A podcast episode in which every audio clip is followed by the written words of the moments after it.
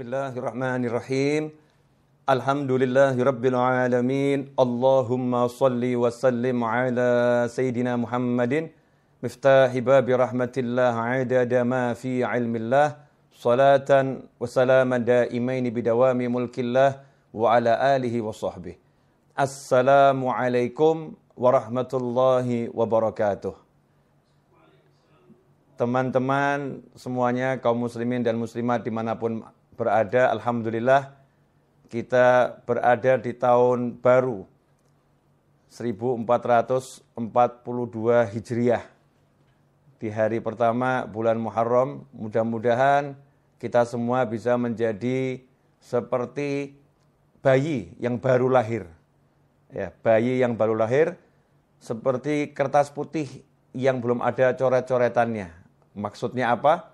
Tidak punya dosa, tidak punya salah karena sudah diampuni, dimaafkan oleh Allah Subhanahu wa taala. Amin Allahumma amin.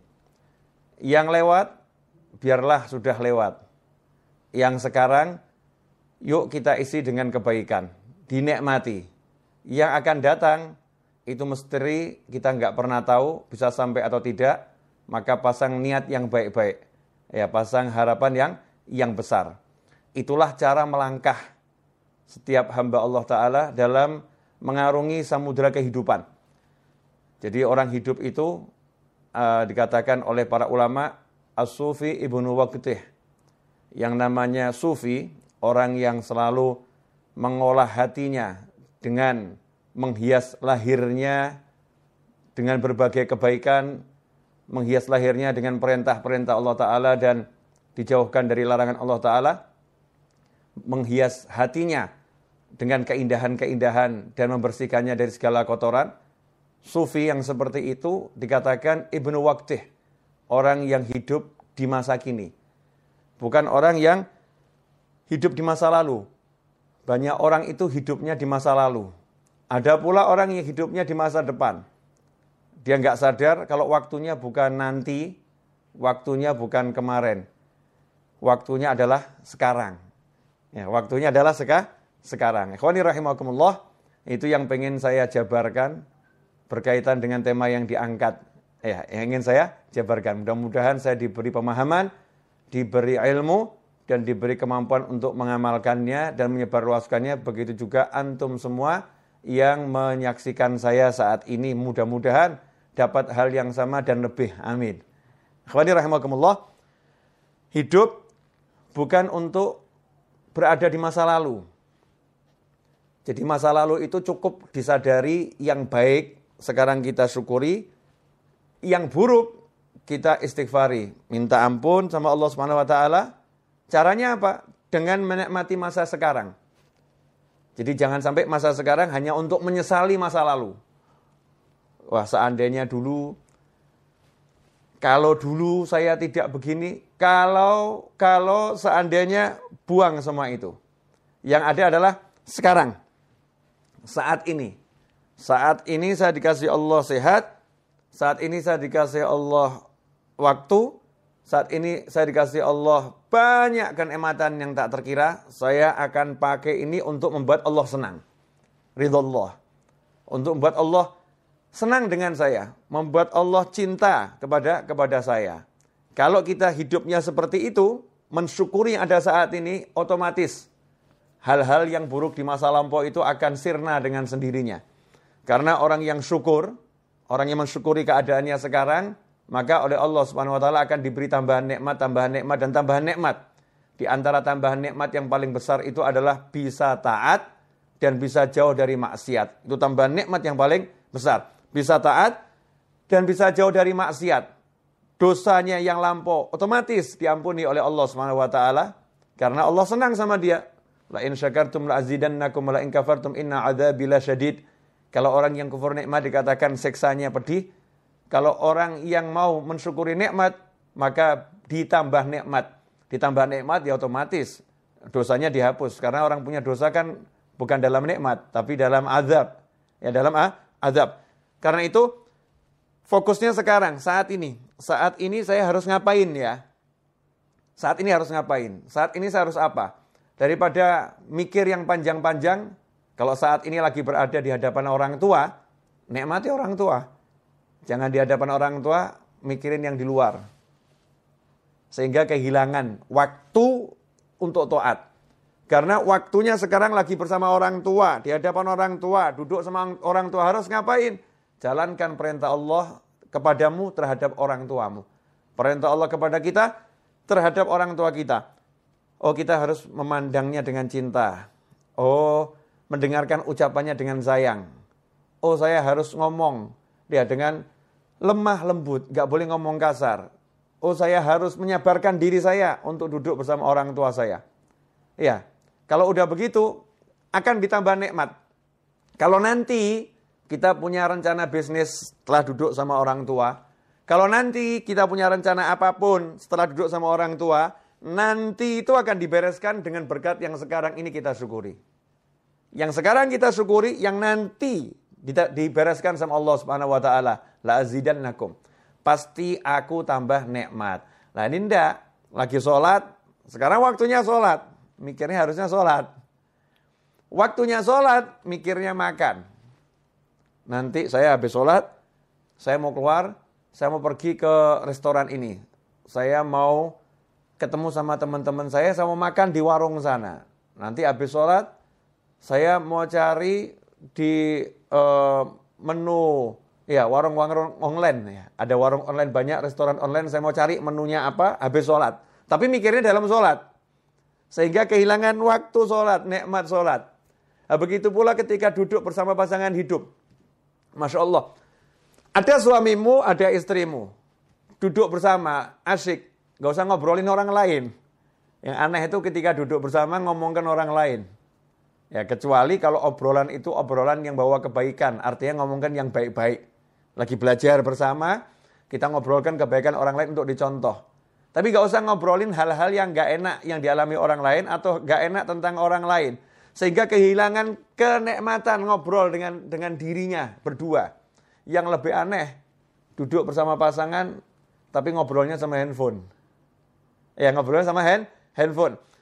Kehilangan kenikmatan saat ini. Saat ini lagi ngapain? Lagi duduk sama pasangan hidup saya. Ya udah, duduk dinikmati bersama pasangannya. Caranya bagaimana? Ajak ngobrol tentang ilmunya Allah Subhanahu wa taala. Ya, ajak ngobrol tentang bagaimana sholat. Ajak ngobrol tentang bagaimana zikir.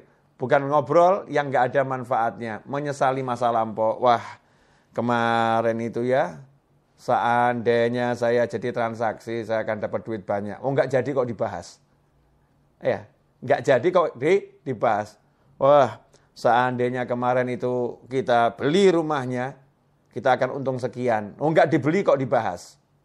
Nggak dibeli kok di, dibahas. Jadi hidupnya di masa lampau, duduk bersama pasangannya bukan ngobrolkan akhirat, yang diobrolkan al-fulus, wal duit, dinar, wa dirham. Yang diobrolkan cuma uang dan uang dan uang, ad-dunya wa dunya wa dunya. Sehingga nggak ada kenikmatan. Dalam obrolan itu bahkan susah rahmat mau turun. Rahmat mau turun itu su susah karena obrolannya bukan dalam taat pada Allah Subhanahu wa taala. Coba kalau duduknya itu ngobrol tentang ketaatan. Masya Allah. Nikmat. Contoh tentang ketaatan, bab masakan itu ketaatan loh. Suami sama istri duduk. Makan sayur asem. Suaminya ngomong, wah enak bener nih sayur asamnya nih. Ini kan lagi ngomentari makanannya istri, ya bersama istri di meja makan atau di tempat makan. Enak bener ini, masya Allah, seger badan jadi apa jadinya rasanya. Istri yang jawab, ah ini mas uh, bisa aja. Padahal ini nggak enak nih pasti ini nyindir nyindir ini. Oh, enggak nih enak bener ini. Kelihatannya obrolan biasa, tapi ini toat. Sebagaimana disebutkan dalam sebuah riwayat, dudukmu bersama pasangan hidupmu untuk menyenangkan hatinya di jalan Allah Ta'ala lebih utama daripada iktikaf di masjidku ini satu tahun. Aukamakala SAW. Diriwayat seperti itu. Itu nikmat. Kemudian yang lebih menyedihkan lagi, ya menyedihkan lagi, waktunya sekarang untuk melamunkan masa depan. Melamunkan. Nanti kalau rumah itu laku, saya mau beli mobil. Nanti kalau tanah yang di sana laku, saya mau beli rumah. nanti, nanti, nanti, nanti, nanti, nanti. Sementara dia sekarang nggak mau kerja. Jadi sekarang ini hidupnya cuma nganggur, nggak mau bergerak. Nah ini kasihan nih. Ini namanya bukan punya cita-cita. Itu namanya melamun dalam syariat. Jadi cita-cita sama melamun itu beda. Ya, e, dikatakan kalau yang cita-cita itu bagus, tapi kalau melamun itu dari syaitan. Kalau melamun itu dari setan. Apa bedanya orang melamun sama cita-cita? Kalau orang punya cita-cita, nanti kalau rumah itu laku, saya mau beli mobil. Ya. Kalau sekedar begitu namanya ngelamun. Kalau cita-cita dia tidak pakai ngomong kalau nanti rumah itu laku. Waktunya sekarang langsung dipakai untuk jual rumah. Iklan sana, iklan sini, telepon sana, telepon sini. Ini rumah saya jual, banting harga, diskon 200%. Masya Allah. Ya, apanya yang 200% kan belum dijelaskan, kasih bintang kecil satu. Ya, ini biasanya teknik iklan nih. Bintang kecil. Pak ini maksudnya diskon 200% apa nih? Ya 200% itu maksudnya begini, begini, begini, biaya ini, ini, ini saya hapuskan semua. Hilang biayanya itu. Nih, buat orang mau telepon, teknik periklanan dipelajari. Kemudian dia mulai ambil tasbihnya, dia baca sholawat sebanyak mungkin, tawasul dengan sholawatnya. Mudah-mudahan ada pembeli yang datang. Nah ini namanya kalau rumah itu nanti laku, saya mau beli mobil. Misal begitu. Kalau tanah yang di sana laku, saya akan hajikan Bapak. Masya Allah. Itu bagus, tapi ngelamun. Ya melamun jelek. Cita-cita bagaimana? Kalau rumah itu laku, tanah yang di sana laku, saya akan hajikan Bapak. Langsung mana KTP-nya? Mau daftar tidak butuh biaya kok. Mana KTP-nya? Diurus semuanya, udah bergerak nih ngurus. Kemudian mulai proses menjual di sana. Itu namanya bukan duduk melamun. Tapi orang punya cita, cita-cita. Itulah niat. Ya, makanya setelah hijrah, setelah Fathul Mekah, la hijrata ba'dal fathi. Setelah Fathul Mekah tidak ada lagi yang namanya hijrah. Dalam arti pindahnya dari Mekah ke Madinah. Walakin jihadun wa niyah. Yang ada adalah kesungguhan dalam berjuang dan niat yang baik. Nah, niat itu apa? Qasdu syai' muqtarinun alih. Niat itu e, menu, punya satu cita-cita yang segera diiringi perbuatan. Qasdu syai' muqtarinun alih. Punya cita-cita, punya harapan, langsung ada aksi. Itu namanya niat. Kalau nggak ada aksi namanya malah melamun. Nah di tahun yang baru ini, jangan kita jadi orang yang sibuk melamun. Tapi jadilah orang yang sibuk beraksi. Jadilah orang yang sibuk mewujudkan cita-cita. Ya, cita-citanya mulai diwujudkan dengan apa pun yang bisa, sebisanya. Karena itu tadi dalam profile picture saya dikatakan hidup bukan untuk dipikiri. Ya, bukan cuma mikiri hidup kok hidup kok seperti ini ya, punya suami kok kayak gitu ya, punya istri kok seperti itu ya. Gak nyelesain masalah. Ngomongkan yang gak enak itu membuat semakin tidak enak. Memperbincangkan yang jelek membuat semakin je, jelek. Ya, memperbincangkan yang negatif menjadi energi yang negatif. Ngomong yang baik-baik, maka menjadi yang baik. Ini yang ngomong bukan saya, yang ngomong Nabi Muhammad SAW. Man kana yu'minu billahi wal yaumil akhir, fal yakul khairan au liyasmut. Barang siapa iman, percaya. Man kana yu'minu billahi wal yaumil akhir. Kepada Allah dan hari akhir, fal yakul khairan. Hendaknya dia ngomong yang baik. Ngomong yang baik. Kalau tidak bisa, diam saja.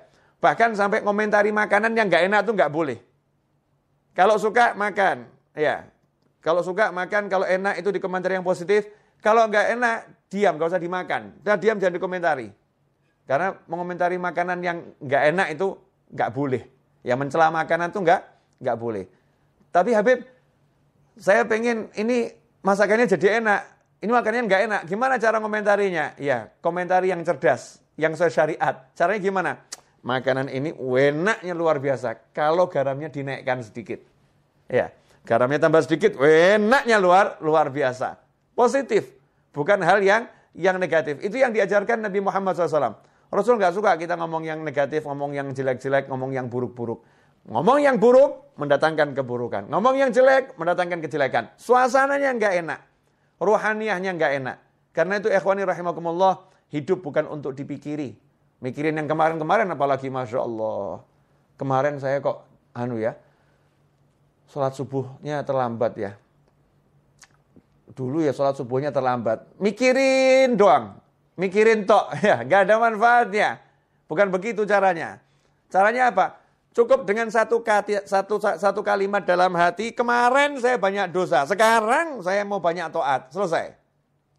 Jadi bukan waktunya habis untuk mikir kemarin kok sholat subuh begini ya, kemarin ya sholat zuhurnya begini ya, kemarin mikir aja. Waktunya mikir yang tadi itu, kalau udah untuk aksi, Masya Allah. Langsung dia banyak sholat sunnahnya. Ditanya sama orang, kenapa kamu banyak sholat sunnah? Wah sholat saya yang dulu-dulu tidak beres nih. Ini sunnahnya buat nambah ini. Kemudian dia kodok sholatnya. Kodok, kenapa kamu kodok sholatmu? Wah dulu saya sering subuh nggak sholat ini. Sekarang saya mau kodok sekarang ini. Saya mau kodok sekarang. Jadi bukan hidup dalam lamunan, tapi hidup dalam dalam aksi. Kalau udah hidup kita dalam aksi ketaatan, maka hidup itu akan penuh dengan kenikmatan. Kalau hidup dalam aksi ketaatan, maka hidupnya akan penuh dalam kenikmatan. Karena itu eh, para ulama mengatakan nikmat yang kami rasakan dalam hati ini, nikmat yang kami rasakan dalam hati, kalau ya kalau para bisnismen, para raja, para penguasa mengerti nikmat yang kami rasakan, mereka akan berjuang untuk merebutnya dari kami dengan apa pun yang bisa mereka lakukan. Kalau tahu ya, mereka akan merebutnya dengan apa pun yang bisa mereka lakukan. Ya, tapi karena mereka nggak tahu, dan toh kalau tahu juga nggak bisa. Kenapa? Tempatnya di hati. Gimana mau merebut hati? Susah. Yang di hati mau diambil tuh susah, nggak bisa. Bisanya dengan cara melakukan hal yang sama. Kalau mau merasakan nikmat yang dimiliki oleh para awliya usolehin, nikmat yang dimiliki orang-orang soleh, ya tiru aja yang dilakukan orang-orang soleh. Nikmati apa yang dinikmati orang-orang soleh. Orang soleh nikmatnya duduk berzikir, tiru duduk berzikir. Orang soleh nikmatnya duduk baca Al-Quran, tiru duduk baca Al-Quran. Orang soleh nikmatnya duduk cari ilmu, tiru duduk cari cari ilmu. Orang soleh nikmatnya uh, bersedekah, tiru ya hidup bersedekah.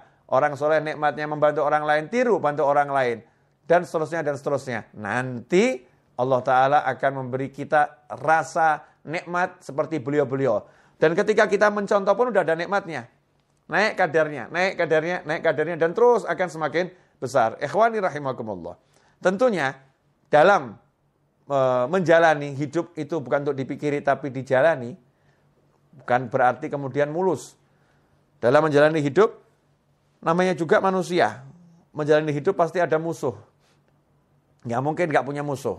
Nanti siapa musuhnya? Jangan salah. Jangan menganggap manusia itu musuh.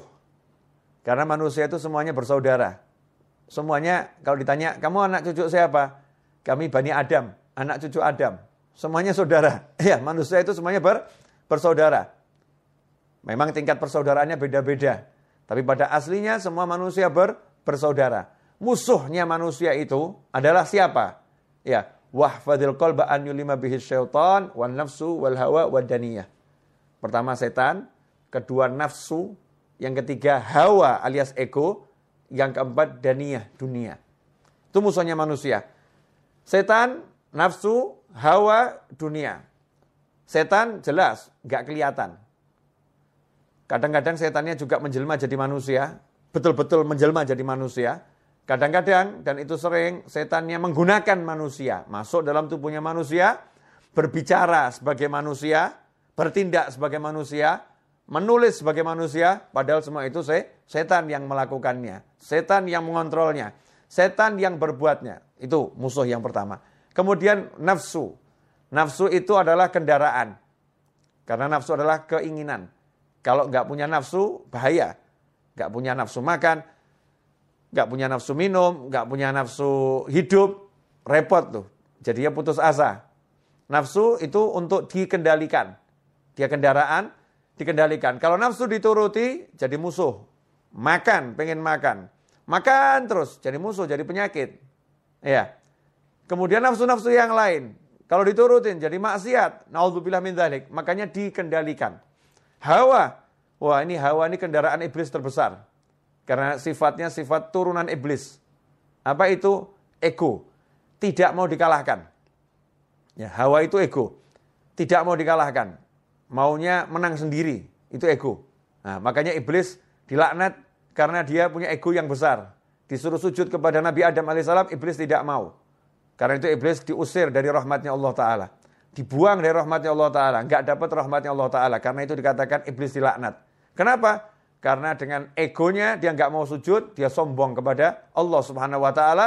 Sombongnya itu dengan tidak mau menjalankan perintah Allah untuk sujud kepada Nabi Adam alaihissalam.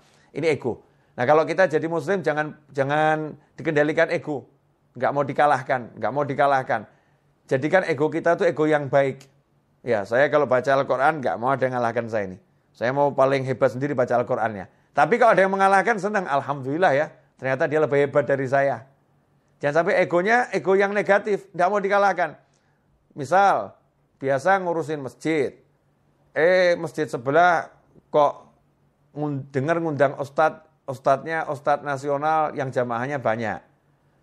Masjid kita ngundang ustadz itu ustadznya nggak mau datang egonya muncul, nggak mau dikalahkan. Uh, buat segala macam cara, kalau di tempat saya nggak bisa, di tempat dia juga harus nggak bisa.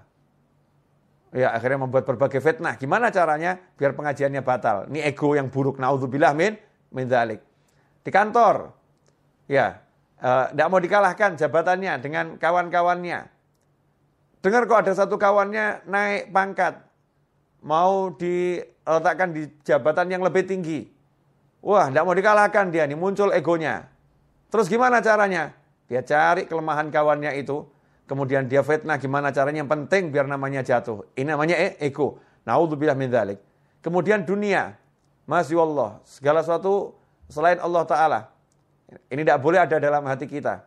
Mau istri, mau anak, mau suami, ya. Siapa pun selain Allah nggak boleh ada dalam hati. Bolehnya masuk hati harus lewat Allah Subhanahu wa taala. Harus bismillah, harus ada Allahnya. Anak ada dalam hati karena Allah. Mencintainya karena Allah. Menyayanginya karena Allah. Makanya begitu anaknya nggak mau sholat, orang tuanya harus harus marah. Ya, orang tua harus marah. Nah, itu namanya uh, karena Allah Subhanahu wa taala. Pasangan hidup, istri. Istri kalau menghalangi suami untuk bekti sama orang tuanya, suaminya harus marah.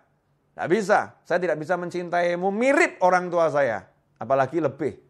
Mirip saja nggak bisa. Nomor satu, cinta saya harus orang tua saya. Begitu Allah saya ngajarin saya. Begitu Allah saya perintahkan saya.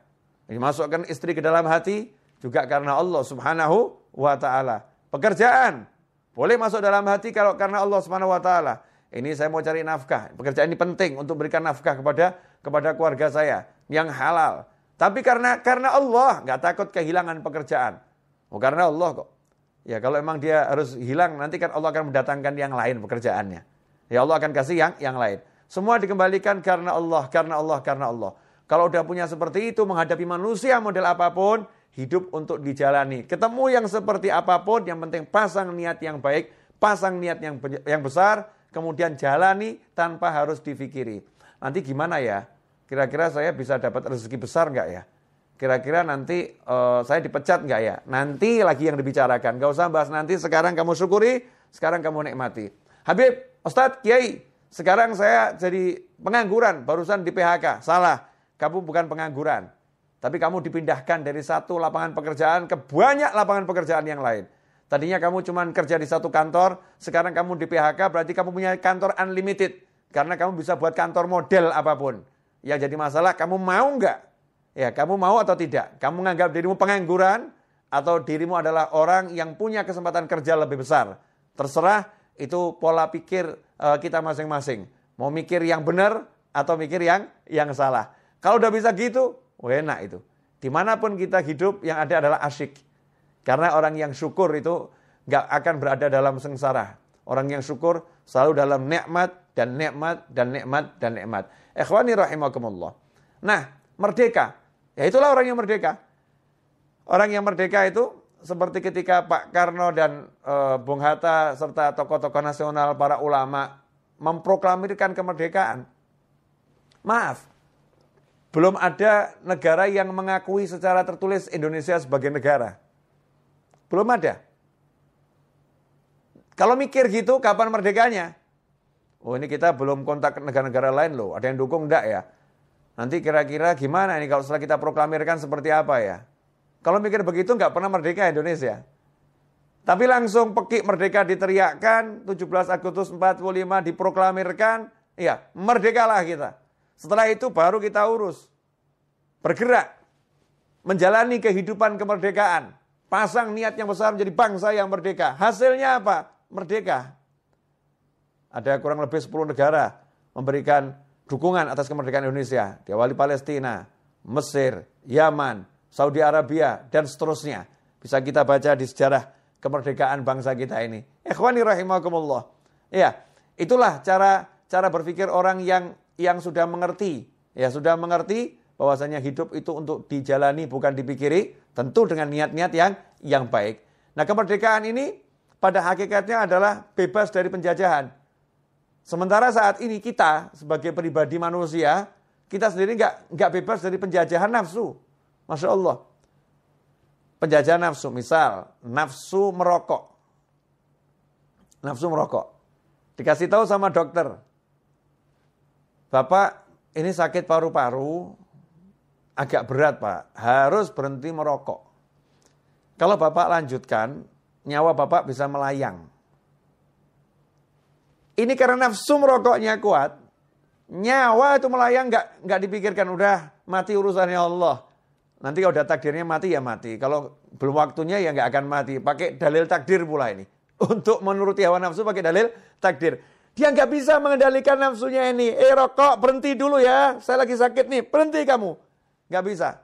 Nggak bisa ngomong gitu sama rokok, nggak bisa. Baru sama rokok saja udah dijajah. Masya Allah. Itu yang bab rokok.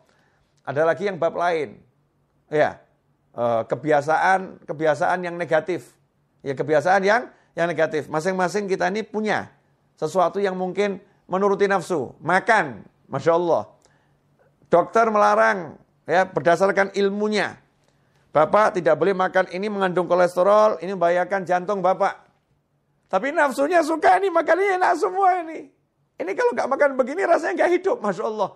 Nggak makan begini rasanya nggak nggak hidup nafsunya itu. Ini kalau diturutin nggak berhenti dari mak makanan macam-macam tadi, maka akan jadi sakit yang semakin parah dan akan menghilangkan nyawa. Naudzubillah min min dzalik. Muslim yang merdeka dia bisa katakan sama nafsunya, stop dulu ya. Sampai kondisi saya itu sudah betul-betul baik. Nanti kalau udah baik, kita akan dialog lagi. Enaknya kamu saya makan satu bulan berapa kali? Ya, dalam seminggu berapa banyak saya makan kamu nih? Dialog sama nafsunya nih. Nafsunya dikendalikan, itu baru muslim namanya. Itu namanya orang yang merdeka.